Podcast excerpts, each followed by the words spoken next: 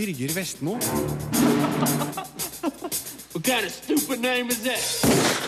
Også denne påskeuka kan by på to nye filmer. I dagens Filmpoliti anmeldes GI Joe Retaliation og The Host. Sistnevnte er basert på ei bok av Twilight-forfatter Stephanie Meyer. Hun forteller om overgangen fra vampyrer til romvesener. Datafesten The Gathering pågår akkurat nå i Vikingskipet på Hamar. Filmpolitiet er til stede for å finne ut hva som skjer. Andre påskedag er det premiere på sesong tre av Game of Thrones. Vi anmelder de to første episodene, mens Kristoffer Hivju forteller om sin rolle som Tormund Giantsbane. Og Filmpolitiet har vært i Stockholm for å teste Battlefield 4. Du skal få høre hvordan det ser ut. Filmpolitiet. Et lass av filmer hadde premiere forrige fredag, men to nye kom nå på askeonsdag. Den første skal anmeldes nå, nemlig GI Joe Retaliation. Dette er Dette er P3. P3.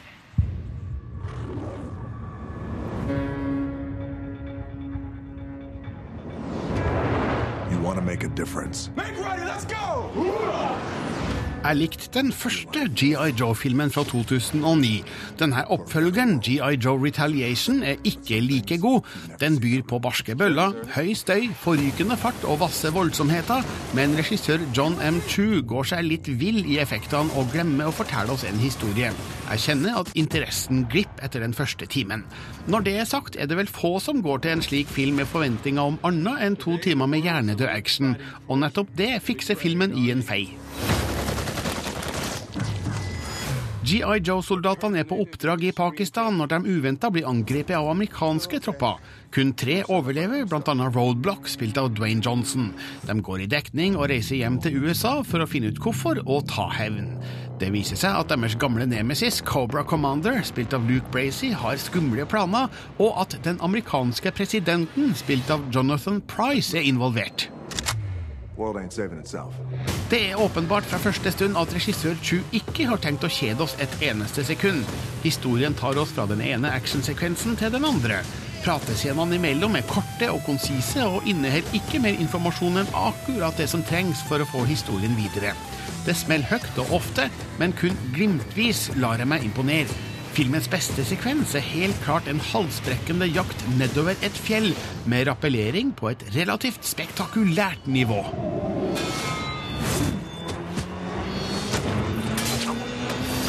Dwayne Johnson spiller hovedrollen denne gangen, og gjør det han kan best. Jeg har alltid ment at han passer best som muskelhelt i dumme actionfilmer, og dermed er han et godt valg i GI Joe Retaliation. Litt mer overraskende er det å finne et annet velkjent actionfjes et stykke ut i filmen, men slik Bruce Willis sin karriere utvikler seg, er det kanskje ikke så rart. Han spiller rollen som om han vet han er med i en middels actionfilm. You all right? My cholesterol is a little high. Historien er som forventa tynn som ei synål. Jeg hadde heller ikke forventa annet. Men etter å ha blitt bombardert av syns- og hørselsinntrykk i en time, kjente jeg at jeg egentlig var fornøyd. Derifra og ut begynte filmen å kjede meg litt. Jeg skulle ønske litt mer kjøtt på beinet, litt mer interessante figurer, litt mer skrudd humor. GI Joe Retaliation blir for glatt og likegyldig. God action er ikke alltid nok. Boom.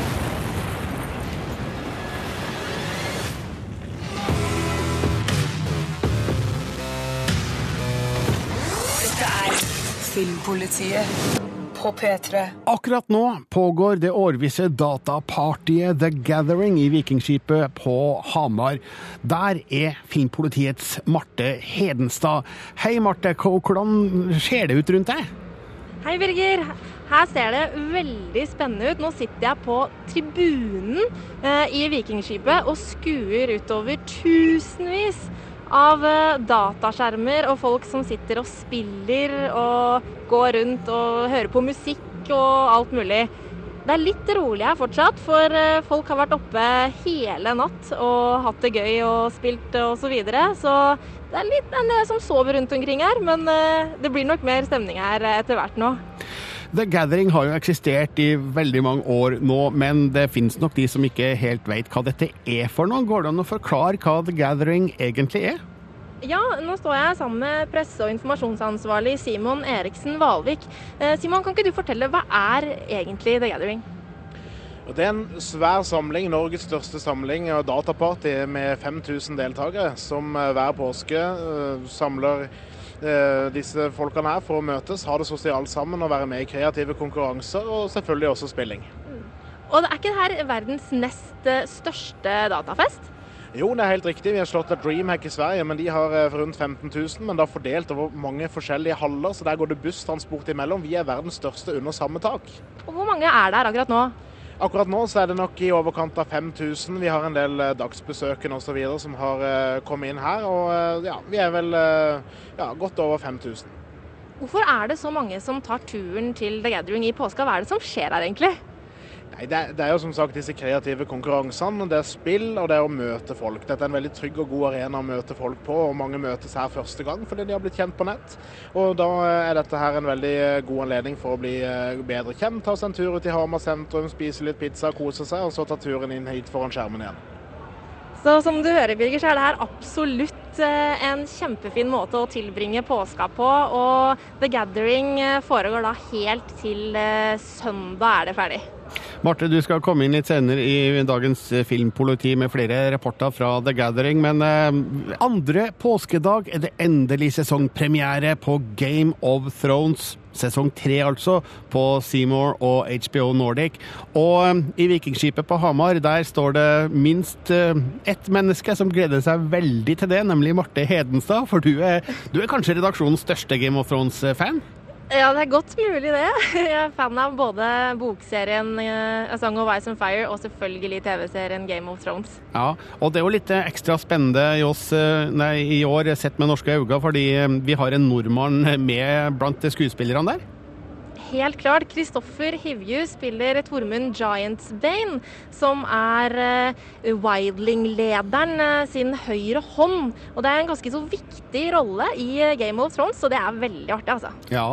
Nå eh, har vi hatt besøk av Kristoffer Hivju før påska, og vi skal snart høre hva han hadde å melde om rollen og innspillinga. Men eh, først så eh, skal vi høre hva du, Marte, synes om de to første episodene. Eh, for det, det har du fått med deg. Jeg har vært så heldig å få se de to første episodene av sesong tre, og jeg kan bare si det er bare å glede seg. It's been a long time, my old friend. Death is coming for everyone and everything. A darkness that will swallow the dawn. Maktkampen om jerntronen fortsetter når vi tar turen tilbake til Westerås sine syv kongeriker i tredje sesong av Game of Thrones. Nå tilspisser intrigene seg. Vår kjære favoritt dverg er ute i hardt vær, og serien tar en mørkere vending. For som vi alle vet, winter is coming. You're not half as clever as you think you are. Still makes me more clever than you. Det kan være lurt å se de siste episodene av andre sesong på nytt nå, før du begynner på sesong tre. For eh, du bør ha hendelsene fra forrige sesong friskt i minne for å holde tritt med hva som skjer. Det er mange nye rollefigurer å holde styr på, så her gjelder det å ha tunga rett i munnen. I Første episode kaster ikke bort tid på å sette seeren inn i hva som har skjedd tidligere, men fortsetter historien der andre sesong slapp. Kong Joffrey og Lannister-klanen klamrer seg til tronen og makta i Kings Landing. Rob Stark fortsetter sin krig og hevntokt lenger nord, mens John Snow går bak fiendens linjer beyond the wall. Og i øst vokser Daenerys Targaryen sine drager seg store, mens hun kjøper seg en hær av slaver hun skal erobre Vesterås med. Det er ingen tvil om at Game of Thrones er en av de mest imponerende produksjonene seriemesteren HBO noensinne har produsert. Dette er det nærmeste vi kommer i Ringenes herre på fjernsyn, og med tredje sesong av serien fortsetter festen av storslåtte sett, kostymer og omgivelser. Som i de foregående sesongene er det likevel de interessante rollefigurene og den enestående ansamlingen av skuespillere som gjør inntrykk i tredje sesong av Game of Thrones. Serien utvider rollegalleriet med en rekke nye, gode rollefigurer, og for oss i Norge er det spesielt morsomt å se Kristoffer Hivju i rollen som Tormund Giantsbane. I like you, more. But if you lie to me, I'll pull your guts out through your throat. Giantsbane er Mans Raider, Wildling-lederen, sin høyre hånd, og han er en svær kriger som alltid har en fleip på lur. Og med sitt store skjegg og ville utseende er Hivju som født for rollen, men det er gøy å se at det er mer enn utseendet som er på plass for Hivju. Han gir Giantsbane en grov røst som passer rollen godt, og et inntrykk av at Tormund er en farlig mann, samtidig som han har glimt i øyet. Well. De to episodene denne anmeldelsen er basert på, er kun en liten smakebit på den tredje sesongen av Game of Thrones. Jeg har ikke engang blitt introdusert for alle de nye rollefigurene enda. Men som fan av bøkene så vet jeg jo godt hva som kommer til å skje, og det er mye som skal utspille seg på TV-skjermen som jeg gleder meg til å se. Og så langt er det helt klart at også tredje sesong av Game of Thrones er velskrevet, velspilt og veldig spennende.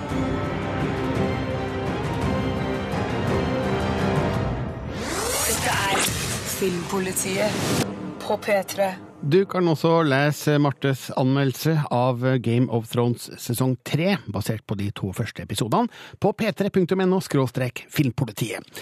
Kristoffer Hivju spiller Tormund Giantsbane i denne sesongen, og um, Marte og jeg hadde han på besøk her i studio rett før påske, og uh, da var det helt klart at han gleder seg til seriestart. Ja, jeg gleder meg veldig. Eh, Jeg har ikke sett alt, så nå gleder jeg meg til å legge skuespillerrollen på, på hylla og, og bare nyte det hele. Du har jo vært her før og fortalt om eh, rollen din, men eh, dette må du nesten gjenta for eventuelt nye lyttere. Hvem spiller du i Game of Thrones? Jeg spiller en mann som heter Tormund the Giants Bane, og han er på en måte the hand of the king beyond the wall, man's raider. Så eh, han er en wilding eh, i alle former av det ordet. Hvor viktig er denne figuren i bøkene, Marte?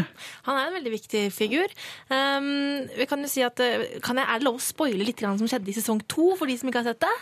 Bitte litt! Bare bitte litt, for på slutten av sesong to så er jo Jon Snow blitt tatt til fange av Wildlingsen, og han skal da bli eh, på en måte møte da Mans Raider, og han eh, Det får vi jo da ikke se, men det møtet, det kommer eh, i sesong tre, og da er det altså Tormund Giantsbane er en av de figurene som hjelper da Jon Snow med å på en måte bli godt tatt imot da, av Mans Raider, rett og slett. Hvordan, hvordan vil du beskrive figuren din, Kristoffer? Nei, han er en, eh, han er en blanding av, et, av en bjørn og en mann. Eh, nei, han er en skjønn type og en eh, farlig mann og en stor kriger og en, eh, en Ja, han er, han er veldig mye på en gang. Eh, så Nei, jeg, jeg føler meg litt sånn hånd i hanske med denne rollen. Eh, jeg fant han fort, og vi ble veldig gode venner. Eh, med ditt eh, karakteristiske utseende med masse rødt skjegg, eh, stor muskuløs kropp og en relativt Hvordan skal jeg si dette uten at det virker Vilt utseende? Ja, er vilt utseende. Jeg du ikke fornærmet av det? Nei, jeg håper ikke det. Positivt. Eh, Syns du Kristoffers eh, utseende matcher det du hadde forventa av Giant Spain fra bøkene? Ja, det syns jeg faktisk absolutt. Eh, Giant Spain er litt eldre enn Kristoffer i bøkene, men det gjør ingenting. Um, og jeg er, også, jeg er jo veldig sånn på internett og leser alle forums og sånn, og da Kristoffer ble, ble annonsert at han skulle spille Giant Spain, så ble det tatt veldig godt imot, altså. Folk er kjempeglad for at eh, du skal spille den rollen, eller har spilt den rollen. Så det er veldig positivt. Det bare lurer litt på, for at I bøkene så er han jo sånn Han er en sånn skikkelig skrytepave som eh, liker å fortelle veldig mange artige historier. Og har veldig mye sånn tullete historier. Er er han sånn i, i TV-serien også? Jeg kan ikke si Jeg kan ikke si, jeg kan ikke si én ting om noe som helst. Så det får dere bare eh, se. Men, eh, men eh, som sagt så er han jo en Han er en morsom type. Ja, ikke sant? Har du fått munnkurv av HBO, eller? Eh, ja, det har jeg. Har jeg. Det, det, sånn er det bare. Altså, det, du får ikke fortelle noe om hva som skjer og sånn? Nei, nå er jo dette en bokserie, så, så, Ja. men den er jo basert på bøker, så, så ingenting er sikkert om hva, hva, hvordan de følger opp de bøkene. Eh, men eh, Så det er klart at Nei, det er ingen spoilers her, altså. Nei. Men hvordan får man egentlig en rolle i Game of Thrones? En av eh, moderne tids største TV-serier. Nei, da setter man seg ned i sofaen og koser seg helt til det ringer. Det bare skjer av seg selv. Nei, da, det morsomme, Apropos de forum du snakket om, det morsomme var at jeg plutselig ble, eh, det ringte en presse, utenlandsk presse og ville vite om det var sant om jeg var aktuell for en rolle i Game of Thrones. Så på det tidspunktet så hadde jeg ikke sett ferdig sesong to engang. og hadde ikke jeg hadde, jeg hadde ikke hørt noen ting, verken fra noen agenter eller noen. Og da var det en, en hype på nettet Mm. om, at, eh, om at eh, jeg var aktuell for en rolle. Så jeg, jeg aner ikke hvor det ryktet startet, eller kom fra, eller, eller noen ting. Men du vet, en, en fjær blir fort til mange høns. Så, så, så det som skjedde, var egentlig at, eh, at agenten min jobbet hardt for å, å få meg på en audition, og, og fikk til det. Og, og da, fra det gikk det jo veien. Så Tror du at eh, hypen faktisk eh, skaffa deg denne rollen? Eller hjalp til, i hvert fall? Jeg skulle gjerne sagt ja, men det der vet jeg ingenting om. Der sitter jo eh, castagenter her og, og bestemmer. Men de hadde fått med seg, tror jeg. eh, I hvert fall. Ja, jeg vet at de har uh, fått tips via internett før, sånn som for eksempel eh, Jason Momoa ble også tipsa for rollen uh, han spilte i første sesong uh, på internett. Og det ble altså plukket opp, og så han endte opp i serien. Så kan det hende at eh, det er noen eh, fans der ute som man kan takke. Ja, det, er, det er i hvert fall Det, det- det skadet ikke. Men Kristoffer, hva gjorde du på audition? Nei, det er som alltid det. Altså, du får en scene, og, og da går jeg ned i min, eh, min kjeller eh, og fikk med meg gode kolleger og, og laget først en tape, og så laget jeg en til. Eh, og da er det egentlig bare å gi det beste shotet på den rollen som eh, overhodet mulig. Eh, så jeg, men jeg, som sagt, jeg, jeg syns den rollen er veldig hånd i hanske på meg, så jeg, jeg koste meg fra, fra replikk igjen. Så hvordan var reaksjonen da den meldinga kom om at rollen var din? Ja, det, det interessante er at det, det, får, det tar så lang tid før du får den der, akkurat den der avgjørende 'nå er den din'. For det liksom, først er det 50% sikkert, og det er 70 og så er det 80 og så er det 70 og så er det, så er det 98% og det er det gjerne veldig lenge. Så på et tidspunkt så tenkte jeg bare 'dette kan ikke jeg vente på'. Eh, Innspillingsperioden begynte å nærme seg, så jeg begynte, før jeg fikk rollen, å forberede den. Eh, Jeg begynte å, å trene og begynte å, å, å- lese bokserien og, og rett og slett begynte å mentalt forberede meg til å gjøre det. Jeg tenkte at Det verste som kan hende, er da at man ikke får den, men, men da, da, da har jeg, da, da har jeg for, for, forberedt meg godt, og det, det, det er ikke bortkastet tid. I hvert fall fått trent. Jeg har fått trent, har du i hvert fall en god motivator. Men så kom meldinga om at rollen var din. Det gjorde den, eh, og det, det var en eh, lykkelig stund.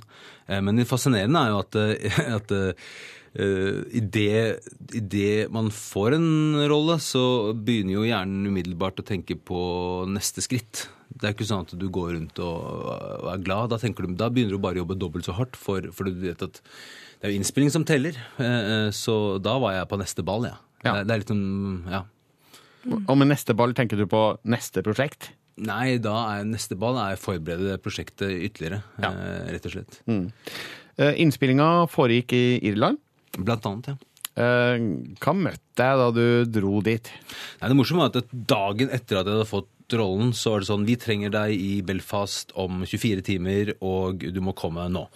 Eh, Så plutselig, så bare etter en kort flytur, så befant jeg meg i fullt kostyme, omringet av bilder av eh, alle skuespillerne, og eh, rett inn på settet. Og så satt jeg meg og fikk makeup, og så var jeg på sånn dialekttrening, og så, var jeg, og så plutselig befant jeg meg på en hesterygg eh, ridende oppover Irlands sletter, så, og så var jeg rett hjem igjen eh, etter tolv timer. Så det, jeg fikk en ganske intensiv, eh, intensivt møte, men det var, det var, ganske, det var magisk, altså, plutselig bare plutselig være innenfor det vanvittige universet. Men det var Eventyret var i gang. Hvordan er apparatet rundt en sånn eh, stor TV-produksjon?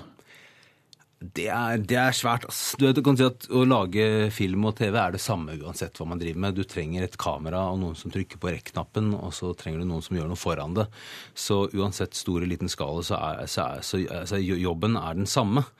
Men dette her er jo ja, de har jo mye, mye penger og mye ressurser, og her snakker vi tre sett eh, på minst 100 mann stykk som eh, filmet samtidig. Eh, samtidig som du hadde en stor administrasjon i Belfast og i, i USA, samtidig som du har da 50 sjåfører som frakter folk mellom alt. Så det var, det var et gigantisk maskineri.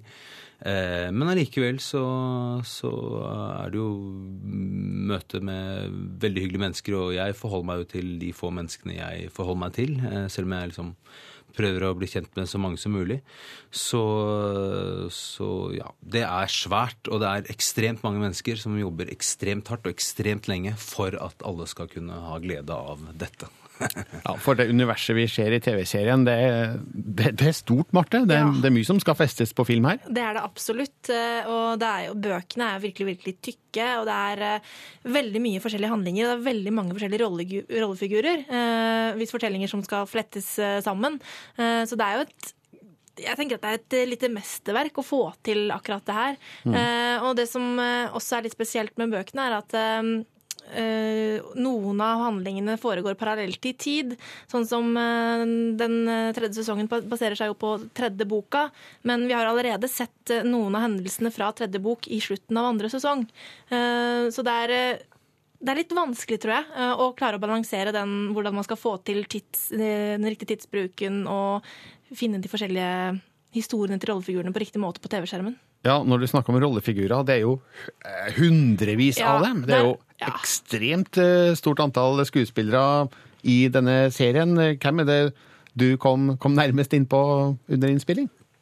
Ja, nei, jeg jo, jo Pass på å ikke si, si noe feil, men uh, Kit Harington og blant annet, eh, og Mackenzie Crook og, og Rose var jo jeg mye sammen med, på privaten i hvert fall. Og nei, jeg fikk masse gode venner der, og vi hadde det veldig moro. Og det, så er det ekstremt lange dager, ikke sant. Det er jo, de jobber beinhardt. Det snakker liksom eh, 13 til 15-17 timers dager, eh, og da står alle på. Det er, det er ikke det er ikke satt av en halvtime til lunsj engang. Her, er det, her jobber man hardt for å komme i mål. Men med så mange folk på et eh, filmsett, eh, får man nå fellesskapsfølelse eh, i forhold til det man, man produserer? Ja, det gjør man jo alltid når man lager film. Det, det er liksom det er det som er noe av det mest fantastiske med det, syns jeg. Alle, jobber beinhardt for at det skal fungere fra man sier vær så god til man sier takk. Og, de øyeblikkene der eh, de, For at de skal bli magisk, så trenger man den kraften fra alle. Eh, Så jeg, jeg helt klart Jeg ble masse, masse bra folk. Det var mye engelskmenn som jobber på, på, i crewet. Så, og de, jo, de er jo skjønne, skjønne, skjønt folkeslag. Så ja. Svaret er ja. Det er en stor produksjon på, på alle måter, og også når det gjelder kostymer. Kan du fortelle om eh, kostymet ditt? Hva du, hva du fikk på deg? Det jeg kan si, er at eh, når jeg kom for å teste det kostymet, så, så satt det seks personer og sydde på det mm, for, at, for å få det ferdig til første innspillingsdag. Og det gir jo en liten sånn pekepinn på Nei det er jo det, det kan glede deg til å se, til å se liksom åssen The Wildlings er, er eh, Det får vi se litt av det i andre sesong også, Mm. men det er, eh, det er ekstremt uh, spennende laga og med mye kreativitet. Ja. Og jeg lurer litt på, for det, Der dere spiller inn, det er jo skitkaldt. uh, er det ikke det? Så de, de klærne må jo være varme på virkeligheten. Og det er ikke bare kostymer, er det vel? Jeg har frosset mye, men, men, men, men det, gjorde de, det gjorde de på vikingtida òg.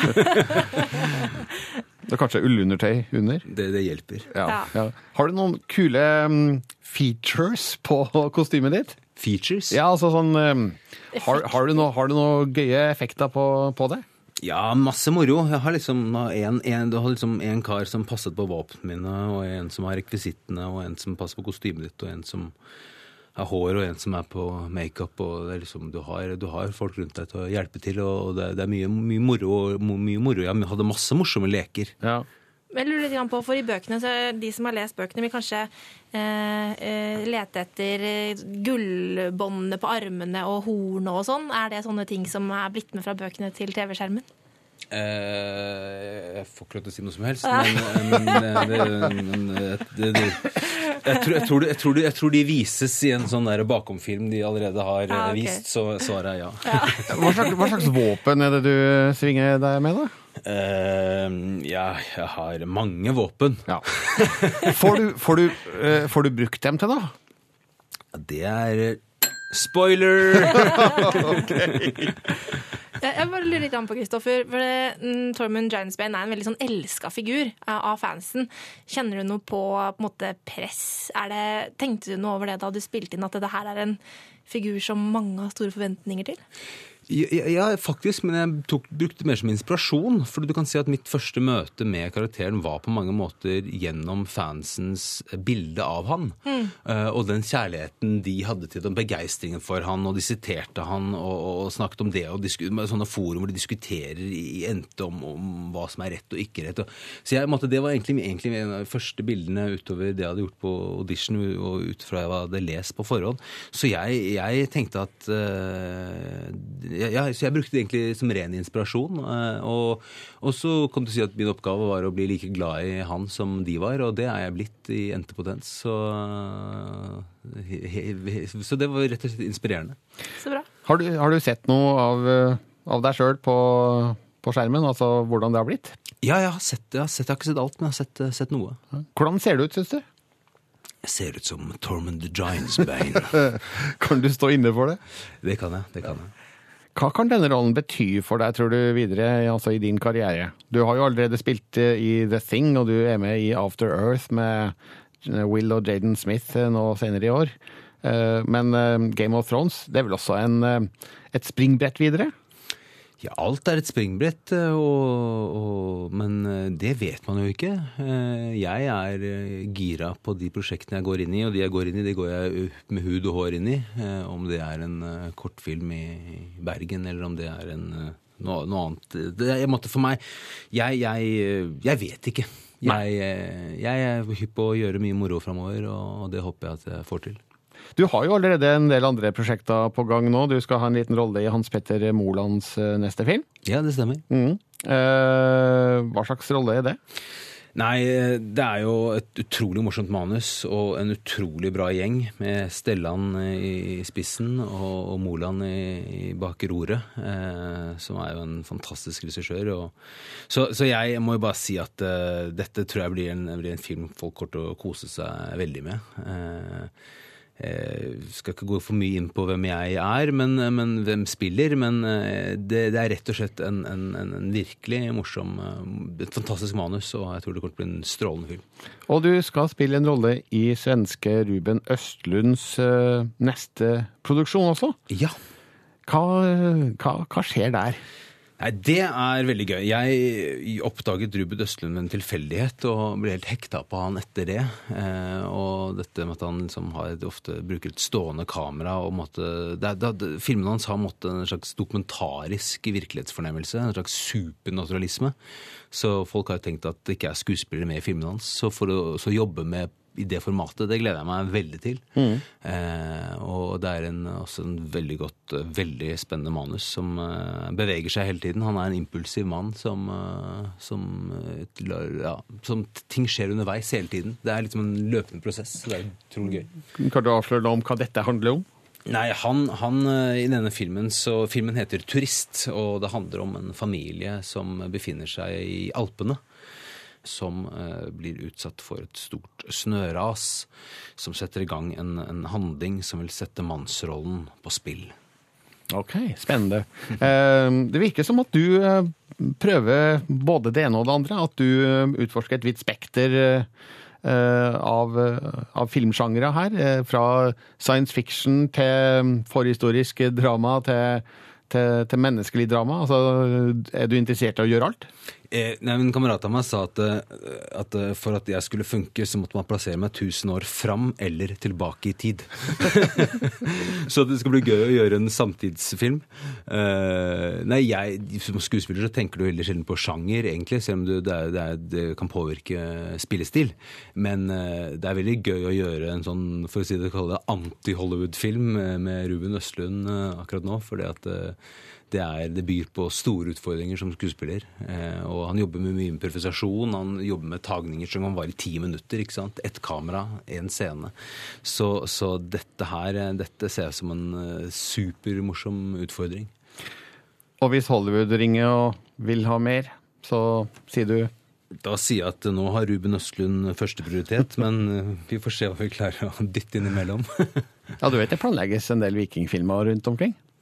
Ja, det gjør det. det gjør det, Og jeg har måtte, satt meg tidlig et eh, mål om at jeg skulle inn i, inn i noe vikingting eh, for noen par år siden. Eh, Men for meg så er måtte, Tormund Giantsbane er jo måtte, en eh, viking i ett og alt. Selv om han ikke er viking i historisk forstand, så er han for meg måtte i inkarnasjonen av en vill, vill, gal, gal mann.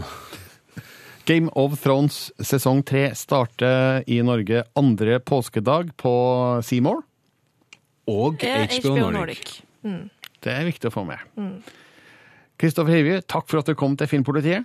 Takk for det. Dette er Filmpolitiet med Birger Vestmo. Birger Vestmo. My name is Jared Howe. I haven't spoken to another human being in two years. Melanie, Strider. This is the beginning of a love story. Romvesener som finner bosted i menneskekropper, har vært skildra i gode filmer som Invasion of the Body Snatchers, The Thing og The Hidden. The Host er dessverre ingen god film. Den kjeder vettet av meg med en barnslig historie, knusktørr romantikk og idiotiske ideer om hvordan et opprør mot en rominvasjon arter seg. Filmselskapet håper sikkert at Twilight-forfatteren Stephanie Myers navn skal trekke fanskaren på kino, men hun skriver åpenbart enda bleikere rominvasjoner enn vampyrhistorier. Please, come with us. We only want to help you. Please be careful. We don't want to hurt. Like hell! No! Verden er altså invadert av romvesener. Ungjenta Melanie, spilt av Sawyers Ronan, er en av få mennesker som ennå er igjen, men hun blir fanga og får kroppen overtatt av et romvesen som kaller seg Vandreren. Melanie er fremdeles bevisst og kommuniserer med vandreren via en ufrivillig morsom ekkostemme. Gjennom dette bekjentskapet forstår vandreren at menneskeheten er god, og at kjærlighet er vakkert, bla, bla, bla, og rømmer ut i ørkenen, der Melanies opprørsvenner leder det ikke-eksisterende opprøret fra ei hule. Do it. I'd rather die. Romvesenene ser ut som små lysende ulldotter med følehorn. De kommer til jorda i små kapsler og entrer menneskekroppen gjennom et snitt i nakken. Noe som får meg til å undre over hvordan den aller første kom seg inn, men der spør jeg kanskje litt for vanskelig. Jeg får heller ikke noe svar på hvorfor en såkalt søker, spilt av Diane Kruger, er så besatt på å finne opprørerne som aldri ser ut til å gjøre noe opprørsk, og som bor i ei ørkenhule, eller hvorfor søkeren tror et par sølvglinsende sportsbiler er nok til å få has på dem. It's not human. So we stop acting human.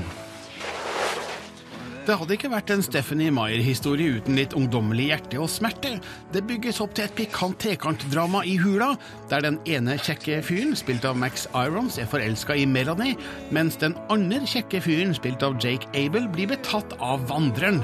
Og mens du stusser over dette merkelige opplegget, kan jeg fortelle at romansen er stein død. Den pinlige kjærlighetsdialogen fremkaller mer latter enn tårer.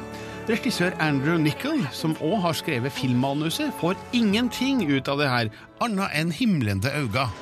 Human bodies take a lot of getting used to. They're not like the others we have inhabited. The Host er en mislykka film blotta for reell spenning. Den har heller ingen gode ideer, ingen interessante figurer og helt flat dramatikk. Det hjelper ikke at Sawyers Ronan er forholdsvis sympatisk i hovedrollen, eller at veteranen William Hurt har rota seg inn i en birolle. Ei heller at filmens tekniske kvaliteter er ok. The Host er drepende kjedelig, og det er utilgivelig. I miss everything about her, and I would do anything to get her back. I gotta know. Is Melanie in there? Dette er Filmpolitiet på P3.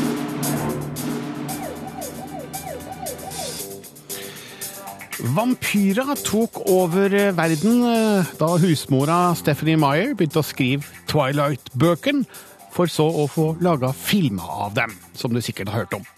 Nå har hun forlatt eh, vampyrene, og det er da aliens som har tatt over jorda i premierefilmen The Host. Vi har møtt Stephanie Meyer i Los Angeles, som kunne fortelle at det ikke var en selvfølge at boka skulle bli film. This was a much harder story to do than Twilight. I mean, Twilight's pretty straightforward. There's some special effects, but other than that, it's it's not a difficult translation. I don't feel um, like the host is was was tricky. The earth is at peace. There are no wars. Det var flere store filmselskaper som sa nei til å filmatisere The Host. Og Stephanie Meyer hadde begynt å tvile på hvordan to karakterer i ett kunne filmatiseres. Men så kom science fiction-regissøren Andrew Nichol inn i bildet. Actually, until um, Andrew came on, I really didn't know if we were going to be able to do it. You, Nick had a lot of faith that someone would be able to see it. I, I didn't know how it would work visually, and I think one of the first meetings we had, where you just very calmly laid out how it was going. to I was like, oh yeah. If her will has survived along with her memories, she may resist from within. Så var utfordringen hvem som kunne klare å spille både alien og menneske i én kropp. Og det ble noe annet enn Meyer egentlig hadde tenkt seg. They, they came to me and said, What are your thoughts on Saoirse Ronan? And at that point, I was thinking 30s for this actress. And so I thought, She's too young. We just did a movie with this young girl, and, and I, I didn't want to do that. And I'd seen, I'd seen her in Atonement, um, I'd seen her in The Lovely Bones. I knew she was a tremendous actor, but I thought she had more of Wanda's personality, you know, the, that ethereal. And I didn't see the fighter that, that Melanie was in that. And they said, go and see Hannah. And I did. And I wasn't even out of the theater. I was on the phone with them saying, okay, okay, you're right. She's the only person who can do this in the whole world. Let's, let's go beg on our knees until she says yes. What does she want? She's got some kind of instinct for emotion that she can't have experienced enough in her 18 years of life to really be able to nail all these things, but she just does. She's a natural. This is the beginning of a love story. Som i Twilight er det også en kjærlighetstriangel i sentrum i filmen. Eller siden det faktisk er to personer i én kropp, en slags kjærlighetsfirkant. Love square or triangle, what is it about that concept you, you like?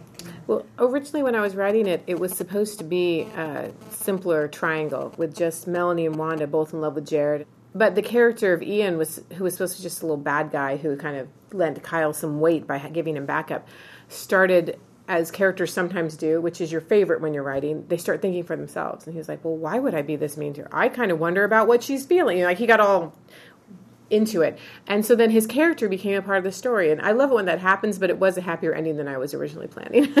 It's not human. So we stop acting human.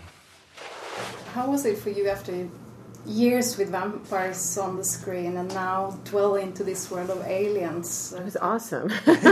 you know, you get burned out on anything when you do it too long. And the vampire thing, it was very intensively vampires because I was writing, editing, filming, reading scripts all at the same time. And and I got really burned out on it. And so to step out of that world into something new that felt very fresh to me was a huge relief.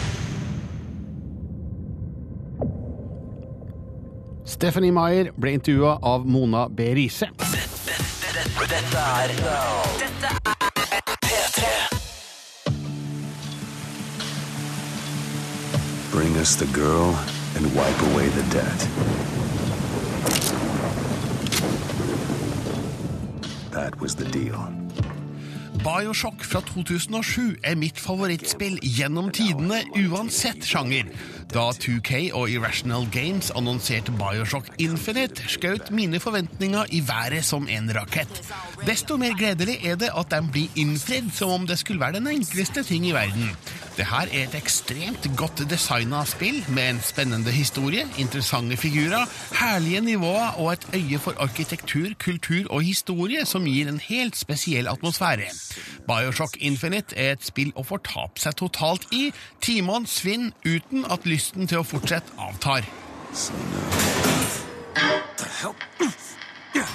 Make yourself ready, Pilgrim. The bindings are there as a safeguard. Mens Bioshock 1 og 2 foregikk i undervannsbyen Rapture på 1960-tallet, tar Bioshock Infinite oss med til den svevende byen Columbia i år 1912.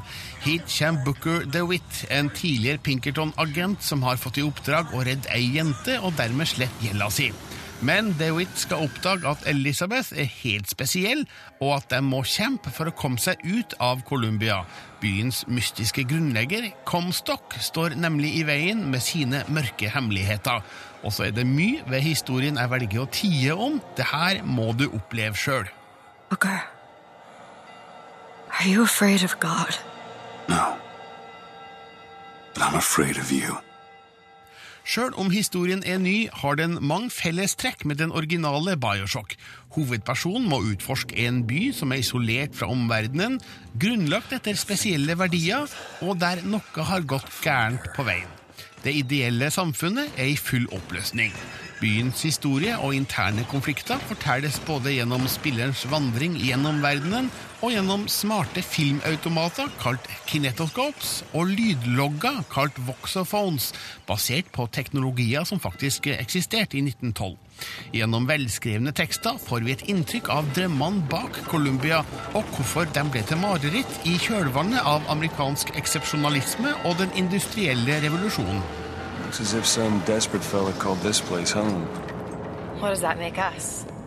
Etter en spektakulær introduksjon går jeg i gang med å utforske byen. Mens Rapture var mørk, trang og klaustrofobisk, er Columbia lys, åpen og bokstavelig talt luftig. Den er så rik på inntrykk for både øyne og ører at jeg kun gått rundt i timevis som turist, hadde ikke vært for at dramatikken plutselig eksploderer og jeg får annet å tenke på. Byen består av flere svevende områder og knyttes sammen med et gondolbanenett som Booker kan surfe på. Hvert av områdene har nye temaer, utfordringer og særpreg. Jeg føler aldri at spillet tyr til unødige gjentagelser, men holder spillopplevelsen frisk og levende.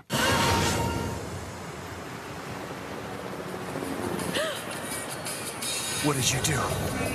What did you do?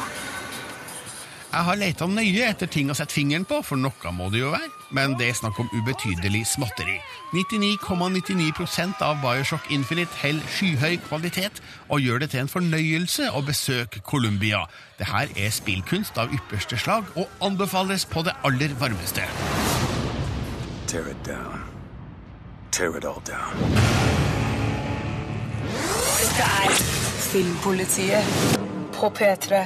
Du kan lese en lengre utgave av denne anmeldelsen på p3.no filmpolitiet. Så skal det handle om Battlefield 4. For tidligere denne uka ble Battlefield 4 vist frem av Dice og EA i Stockholm. Og der var filmpolitiets Andreas Hatzel Opsvik. Hei. Hei sann, Ja, nå, nå brukte jeg ordet 'testa' Battlefield 4 tidligere i sendinga, men eh, du har ikke spilt noe? Nei, jeg har ikke spilt det. Vi har, vi har sett det bli spilt på en eh, fryktelig stor skjerm i den største kinosalen i eh, Stockholm. Og det ser veldig pent ut, altså. Det er jo førsteinntrykket, absolutt. Ja. Hva, hva er Battlefield for de som ikke kjenner serien?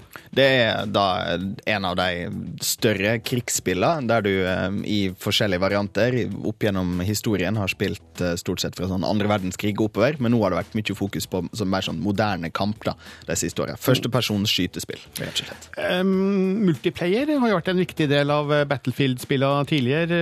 Vist Dice og EA noe av det?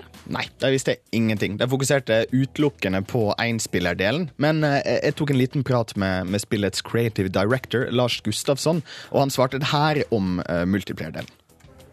Multiplayer har alltid legat studien veldig varmt om hjertet. og, og jeg var ansvarig for multiplayer på Battlefield 3 og, og vi har ju lärt oss väldigt mycket från det og fra alle de tidligere spelen. Så der där, satsar vi videre.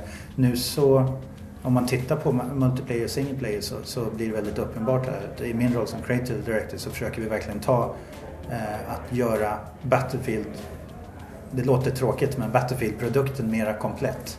Att, att eh, Battlefield 3 var verkligen Battlefield i multiplayer men i single player så saknade du mycket av de här sakerna som är Battlefield med fordon och möjligheten att välja lösningar och destruction. Så att mitt mål för den här produkten det är verkligen att göra en mer enhetlig Battlefield-produkt. Så det, det, det är min stora hopp och önskan. Och multiplayer är någonting vi kommer att prata om mycket framöver. Du hører at han er, han er litt sånn drilla av PR-apparatet. Han, han, har- han har blitt fortalt at han må si at de skal gjøre Battlefield-produktet mer helhetlig. Ja, det er veldig, veldig tydelig. Men, men, men engasjementet er der absolutt. Altså, jeg snakka med han og et par andre i Battlefield, og, nei, altså, av de som lager Battlefield, og det er tydelig at de, de har veldig lyst til å vise fram da, det her som de da håper skal bli det, det neste store Battlefield-spillet. Ja, men når, når kommer det her, da? Kan det tenkes at dette er en aktuell lanseringstittel med PlayStation 4, f.eks.? Altså det er jo det er tiltenkt til høsten, og selv om eh, Ja, da jeg snakka med, med, med Gustavsson, så han var litt vag. Han ville ikke helt si det, men han, han, ja, han var inne på det. da. Det, det jo en fråga som kommer opp hele tiden og det er kjempespennende med hva vi så Sony gjøre. og eh, jag menar framtiden får utvisa, framförallt för våran del så är det som så att eh, vad vi pratar om här idag det är PC och Xbox 360 och PS3 och eh, framförallt så bygger vi en motor som är skalbar. Eh, det började vi med redan i, i Battlefield 3. Eh, så att eh, som du såg på demot idag så finns det det finns fortfarande gränser vi inte har gått bortom. Eh, Så att vi, det är ju spännande tider, det är ju inget snack om det. Så att eh, vi får se vad, vad framtiden har att... eh, Ja, för alla oss gamers, för det är ju det vi gör också, så, så eh, ser det väldigt roligt ut. Det sa Battlefield 4s creative director Lars Gustavsson. Og du har lagt ut eh, ganske store deler av det du fikk se av Battlefield 4 på våre nettsider. Ja, og bare for å ta inn det Gustavsson sa, da. Det, det ser for pent ut for Xbox 360 og PlayStation 3. og sånn. Det er det. Så hvis det ikke kommer på PlayStation 4, skjønner jeg ingenting. Filmpolitiet. Vi var innom eh, The Gathering eh, i Vikingskipet på Hamar eh, tidligere i dagens Filmpoliti, og nå skal vi tilbake dit. Til et av verdens største dat datapartys med ca. 5000 deltakere, og Filmpolitiets Marte Hedenstad. Og Marte, du står der nå med to av de 5000 entusiastiske Gathering-deltakerne.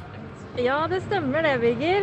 Nå har jeg Ola Svingstad og Håkon Kindem her, og de er på gathering i år for andre gang. Eh, og Håkon, hva er grunnen til at eh, du er på The Gathering, egentlig? Altså, Det blir for å møte andre mennesker, da, for det første. Og for å dra sammen med venner. eh, og ja, samvær med de, da. Sosialt samvær. Spille sammen. Eh, og Ola, dere er jo en gjeng her. Hvor mange er dere egentlig? Nå er vi da ti stykker da, som har dratt fra Halden alle sammen. Vi har samkjørt litt transport og sånne greier da, for det rent praksis, praktiske. Og så er det jo, altså Vi er jo en vennegjeng fra før av. Det er jo ikke sånn at vi bare har samlet ti tilfeldige mennesker. Det å dra på gathering alene, det blir det samme som å sitte hjemme i fem dager. Eh, Det sosiale er helt klart en stor del av det å være her. Ja, for Det er mange som sikkert tror at eh, man bare sitter med nesa inn i en skjerm og er veldig usosial, men det er jo mye forskjellig som skjer på The Gathering eh, utenom spilling. Hva driver dere med da, Håkon? Altså, For det første så er det en del, en del arrangementer som skjer rundt omkring her, som du kan være med på. Eh, vi går også rundt og ser i skipet på alt det rare som er her. Og så er vi utenfor skipet en del, og da i byen. Og ja, går litt rundt der og gjør forskjellige ting. Men jeg lurer litt på, for det holder jo på med show fra scenen til langt på natt, og det er eh, masse musikk som spilles rundt omkring hele tiden. Eh, Får dere sove noe, da? Ja, det, det er jo det, da. Mange har jo med seg forskjellige typer hørselsvern for å skjerme litt mot lyd, mens eh, hvis man har litt problemer med å sove sånn sett, da. Den største utfordringen kan egentlig bare være å finne seg en plass å sove. For eh, de fleste legger seg bare ned med PC-en, selv eh, selv om de har advart mot det å at, at det egentlig ikke er lov. Og tribunene er jo fullt av eh, sovende mennesker. Og det, er jo de oppfinnsomste, de mest oppfinnsomme stedene. Da. Noen legger seg jo rett og slett under bordet. Det prøvde jo jeg her et par timer. Så, som sagt, noen ligger bare i stolen. Altså opp, opp etter setene i tribunene, inne i gangene. Noen har ligget inne i garderoben og sovet. Så det er stort sett sovende mennesker eh, overalt. Det gjelder å få litt hvile når man kan. Eh, Håkon, det her er andre gangen dere er her. altså. Kommer du tilbake til The Gathering til neste år?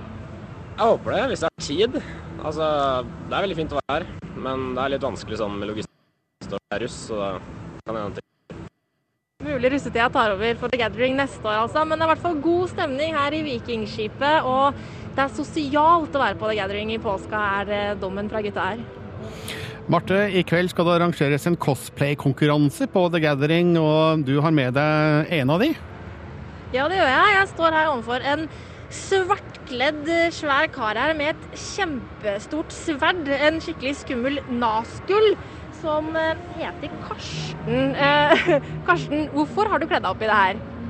Eh, hvorfor? Det er jo fordi at jeg driver med cosplay. Og jeg er her for å eh, gå rundt i kostymer, da. Og rett og slett for å ha det gøy. Og Forklar litt for folk som ikke vet hva cosplay er. Hva er det det egentlig går ut på?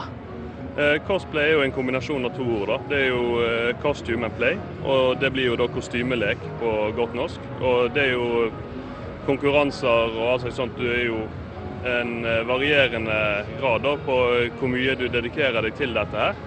Jeg går bare rundt i kostymer og har det gøy, og jeg liker veldig godt å møte nye folk som holder på med dette her. Og så er det jo da mange som er med i konkurranser og lager kostymer og bruker hele fritiden sin på det. Og bare for å gå rundt og gjerne vinne konkurranser. Men og Du ser jo veldig flott ut, du får sikkert en del oppmerksomhet når du går rundt. Men jeg må bare kommentere dette sverdet her, som er Det ser ut som det er over en meter langt. Det har du laga sjøl.